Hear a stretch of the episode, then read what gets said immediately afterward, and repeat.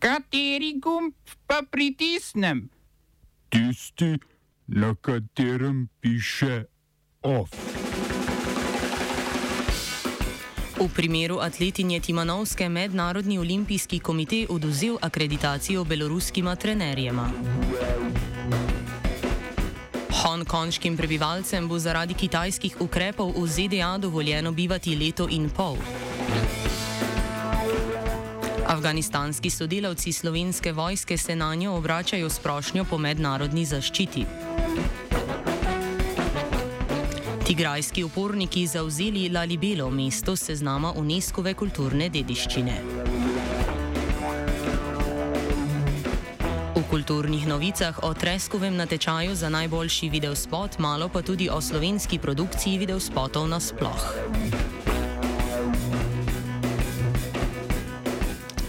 Današnjo informativno torto bomo aktualno začeli rezati v olimpijskem Tokiu, a brez euforije ob novi slovenski zlati medalji v strogo politični maniri.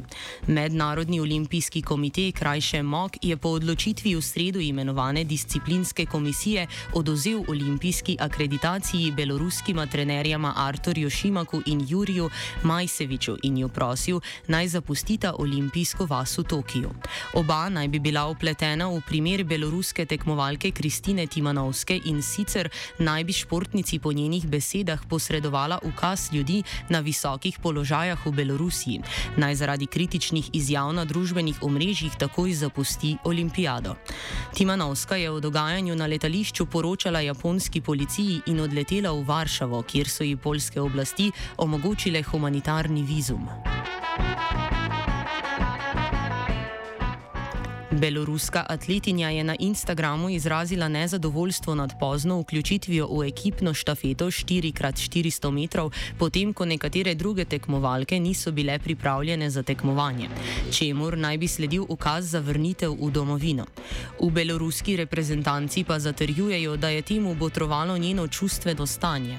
Kaj se je v resnici dogajalo, bo poskušala dognati posebna disciplinska komisija MOKA, ki povdarja, da je izključitev trenerjev zgolj zgolj začasna odločitev, s katero želijo preostalim beloruskim tekmovalcem zagotoviti mir.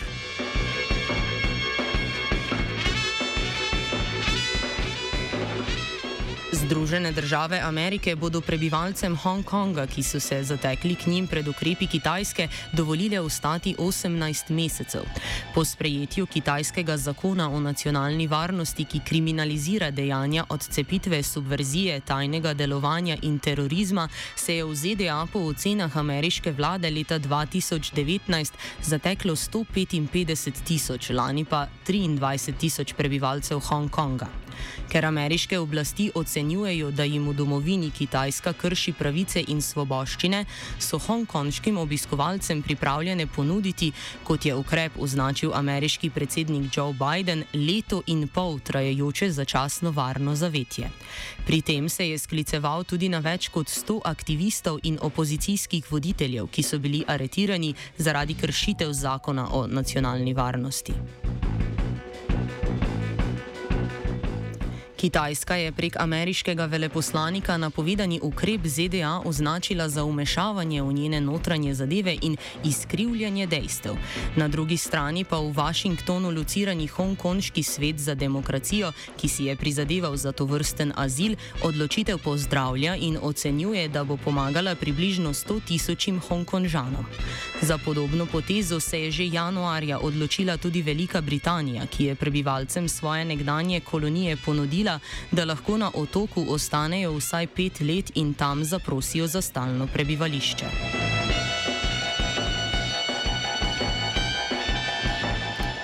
Indijska vlada je v parlament, v katerem ima večino BJP, stranka premjera Narendra Modija, uložila zakon, ki bo razveljavil pravila o retroaktivnem obdavčenju, ki je že desetletje predmet spora med New Delhijem in nekaj večjimi tujimi korporacijami, ki so vlagale v Indiji. V prvi vrsti gre za Vodafone in britansko naftno družbo Cairn Energy.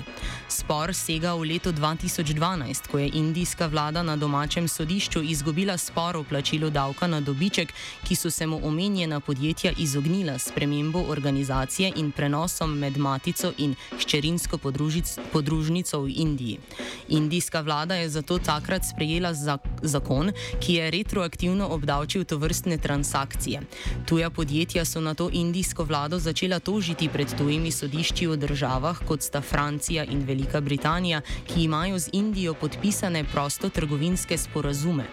Ta vključujejo tudi pravila o zaščiti tujih investitorjev. Prejšnji mesec je sodišče v Parizu podjetju Kern omogočilo zamrznitev in prenos 20 nepremičnin v Franciji, ki so v lasti Indije. Kern prav tako pred ameriškimi sodišči zahtevajo pravico do zasega letal indijske državne letalske družbe Air India. Spremembe zakona Indiji omogočajo, da ne bo priznala odločitev tujih sodišč, a bo podjetjem, ki jo tožijo, plačala odškodnine, ki jih zahtevajo.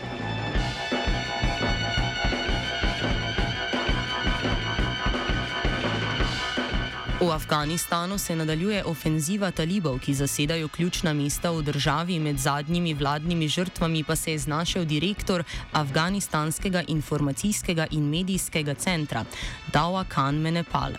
Vladni tiskovni predstavnik je padel pod streli na eni od cest v prestolnici Kabul, že v sredo pa so talibi napadli tudi dom afganistanskega obrambnega ministra in napovedali lov na vladne predstavnike.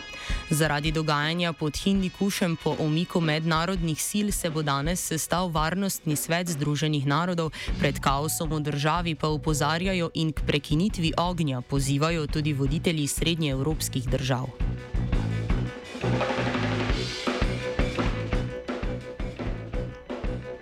Pred talibskim nasiljem trepetajo tudi afganistanski sodelavci slovenske vojske. Po poročanju dnevnika se je na slovensko obrambno ministrstvo oziroma slovensko vojsko za pomoč obrnilo več civilistov, kar so na ministrstvu potrdili in dodali, da s pristojnimi resorji in drugimi državami Evropske unije, ki so sodelovali na vojaških misijah v Afganistanu, iščejo rešitev za njihovo mednarodno zaščito. Gre za prevajalce, varnostnike in druge pomožne sodelavce, s katerimi je na misijah sodelovala slovenska vojska. Njihovega števila in stopnje ogroženosti na Ministrstvu za obrambo niso razkrili. Po veljavni zakonodaji lahko tujci za mednarodno zaščito zaprosijo le na ozemlju Slovenije, predtem pa lahko prejmejo dovoljenje za vstop v državo oziroma za začasno bivanje v njej.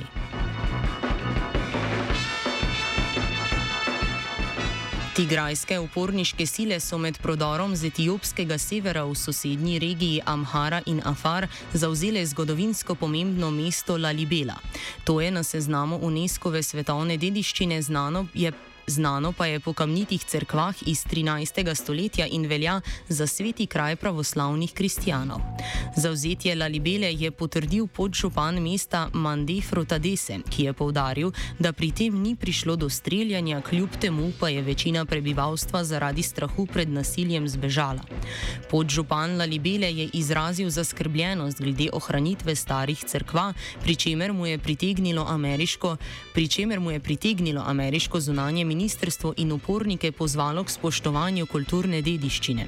Uporniška ofenziva in širitev spopadov z etiopskimi varnostnimi silami sta se razmahnili, potem ko je Tigrajska ljudska osvobodilna fronta Fronta junija zauzela tigrajsko prestolnico Mekele, etiopska vojska pa se je umaknila in razglasila enostransko premirje. V začetku tedna je general upornikov izrazil pripravljenost za politični dogovor, predtem pa želijo osrednjo vlado prisiliti k odpravi blokade regije. Etiopske oblasti so blokado zanikale, pogovore z uporniki, ki so jih uradno proglasile za teroriste, pa zavrnile. Mednarodno dogajanje je v petih informativnih krogih povzel Marcen,